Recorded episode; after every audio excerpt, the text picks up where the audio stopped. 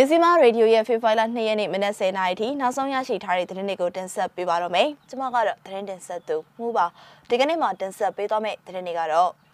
ကြပတောင်းမျိုးကမိရှုဆန္ဒပြသူတည်ဆုံတဲ့သတင်း။အုတ်ကံမြို့နယ်အတွင်းအကြမ်းဖက်တက်မမှုစီလာတဲ့ကားကိုဖောက်ခွဲတိုက်ခိုက်တဲ့သတင်း။ဒီမော့ဆိုကရက်ကွက်တစ်ခုကိုတိုက်ပွဲမဖြစ်ဘဲစစ်အုပ်စုကလက်နက်ကြီးနဲ့ပစ်ခတ်တဲ့သတင်း။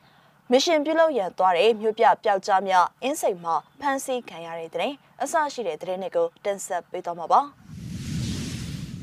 ဦးဆောင်သတင်းအနေနဲ့ကြောက်ပတောင်မြို့ကမိရှုဆန္ဒပြသူတေဆုံတဲ့သတင်းကိုတင်ဆက်ပေးကြပါမယ်။မန္တလေးတိုင်းကြောက်ပတောင်မြို့လျှက်စစ်ရုံရှိမှာမိမိကိုကိုတက်စီလောင်းပြီးတော့မိရှုဆန္ဒပြခဲ့တဲ့အမျိုးသားမနေ့ကညာဦးပိုင်းမှာပဲတေဆုံသွားပြီဖြစ်ကြောင်းဒေသခံတွေထံကနေသိရပါတယ်။ တေဆုံးသူဟာကြောက်ပတောင်မြို့ပြည်တော်သားရက်ကွက်ကတန်ပန်းလုပ်ငန်းလုပ်ကင်နေအသက်20ကျော်အရွယ်ကိုအောင်အောင်ဆိုသူဖြစ်ပြီးတော့မနေ့ကမော်လေတနာရီခန့်အချိန်ကမိမိကိုကိုတက်စီလောင်းပြီးတော့မိရှုခဲ့ခြင်းဖြစ်ပါတယ်နေ့လေကခေါ်သွားကြတဲ့ကမီးလောင်တရားတွေကအစင်မပြေတော့ဘူးနော်ညအိုပိုင်းကပဲဆုံးသွားပြီလို့သိရတယ်ဆိုပြီးကြောက်ပတောင်မြို့ကန်တအုပ်ကပြောပါတယ် မီလောင်တေဆုံးသူဟာတမန်လုပ်ငန်းလုပ်ကိုင်သူဖြစ်ရာယခုအခါလျှက်စစ်မီပြတ်တောက်မှုတွေကြောင့်လုပ်ငန်းအဆင်မပြေမှုတွေဖြစ်ပြီးတော့စားဝတ်နေရေးအခက်အခဲဖြစ်ပြီးအခုလိုလှုပ်ဆောင်ခဲ့ခြင်းဖြစ်နိုင်တယ်လို့မြို့ကန်တွေကသုံးသပ်ပြောဆိုကြပါတယ်။ဆလဘီ အောက်ကံမြို့နယ်အတွင်းအကြမ်းဖက်တက်မှမှုစီလာတဲ့ကားကိုဖောက်ခွဲတိုက်ခိုက်ခဲ့တဲ့တဲ့ရင်ကိုတင်ဆက်ပေးကြပါမယ်။ရန်ကုန်တိုင်းအောက်ကံမြို့နယ်အတွင်းအကြမ်းဖက်စစ်တပ်ရဲ့နေမြေကန်တက်မှမှုစီလာတဲ့ကားကိုဖောက်ခွဲတိုက်ခိုက်ခဲ့တယ်လို့အာဏာသိမ်းစန့်ကျင်ရေးနဲ့ပြည်သူ့လွတ်မြောက်ရေးအဖွဲ့ ACPLF ကထုတ်ပြန်ထားပါတယ်။ မနေ့ကမနက်ပိုင်းမှာအကစားပျော်ပွဲရွှင်ပွဲလာရောက်တဲ့နေမြေကန်တမှုစီးလာတဲ့ကားကိုအုတ်ကံမျိုးကံကုန်းကျေးရွာအနီးရန်ကုန်ပြည်ကားလမ်းပေါ်မှာဖောက်ခွဲတိုက်ခိုက်ခဲ့ပေမဲ့အရက်သားကားတစ်စီးကိုငှဲ့ပြီးတော့ထိရောက်တဲ့တိုက်ခိုက်မှုမလုပ်ဆောင်နိုင်ခဲ့ဘူးလို့သိရပါတယ်။ မနေ့ကဖြစ်စဉ်မှာတိုက်ကြီးကတမမူကကရှေ့ဆုံးကနောက်ကနှစ်စီးကခတ်ခွာခွာအုပ်ပုံဖိုခါချိုတက်ကရှေ့တစ်စီးနဲ့နောက်နှစ်စီးကမောင်းလာတာအနားရောက်မှနည်းနည်းကွာသွားတယ်။အဲ့ဒီအချိန် hijack တစ်စီးငပြောသည့်တင်တဲ့ကားကမိုင်းထောင်ထားတဲ့လမ်းကျင်းနဲ့မျက်နှာချင်းဆိုင်ကနေဝင်လာလိုက်တယ်။အဲ့ဒီမှာအစင်လိုက်နှလုံးခွဲဖို့ဟာအရက်သားကားကိုငှက်ပြီးတော့မခွဲလိုက်ရဘူး။အဲ့ကားလုံးမခွဲလိုက်တော့စစ်ကားကဘုံစမှန်ယုံလောက်ပဲထိသွားတယ်ဆိုပြီး ACPL F8 တာဝန်ရှိသူတို့ကပြောပါတယ်။ အဲဒီတက်မှမှုဟာပွဲကိုလာကြီးချက်ပြီးတော့နှင်ကင်းပိုင်းမှာပြန်သွားတယ်လို့သိရပါတယ်။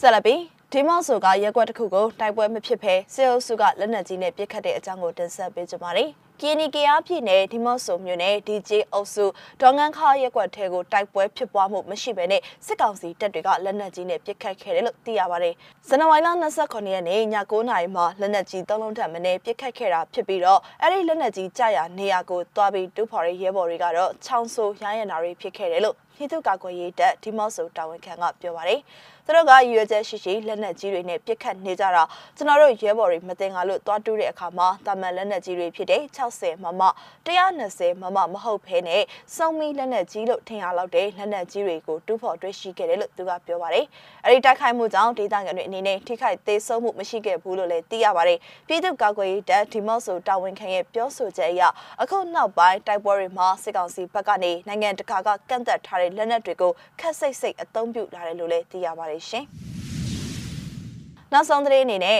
mission ပြုလုပ်ရန်သွားတဲ့မြို့ပြပျောက်ကြားများအင်းစိန်မှာဖမ်းဆီးခံရတဲ့သတင်းကိုတင်ဆက်ပေးကြပါမယ်။ ဖေဖော်ဝါရီလ၁ရက်နေ့ကမနက်6:25မိန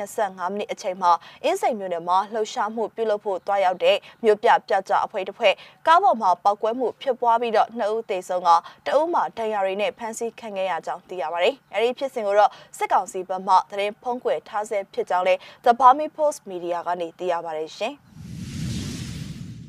မြစီမရေဒီယိုရဲ့ဖေဖော်ဝါရီလ2ရက်နေ့မနက်10:00နာရီထိနောက်ဆုံးရရှိထားတဲ့သတင်းတွေကိုတင်ဆက်ပေးခဲ့တာပါ။နားဆင်ပေးခဲ့တဲ့အတွက်ကျေးဇူးတင်ပါတယ်ရှင်။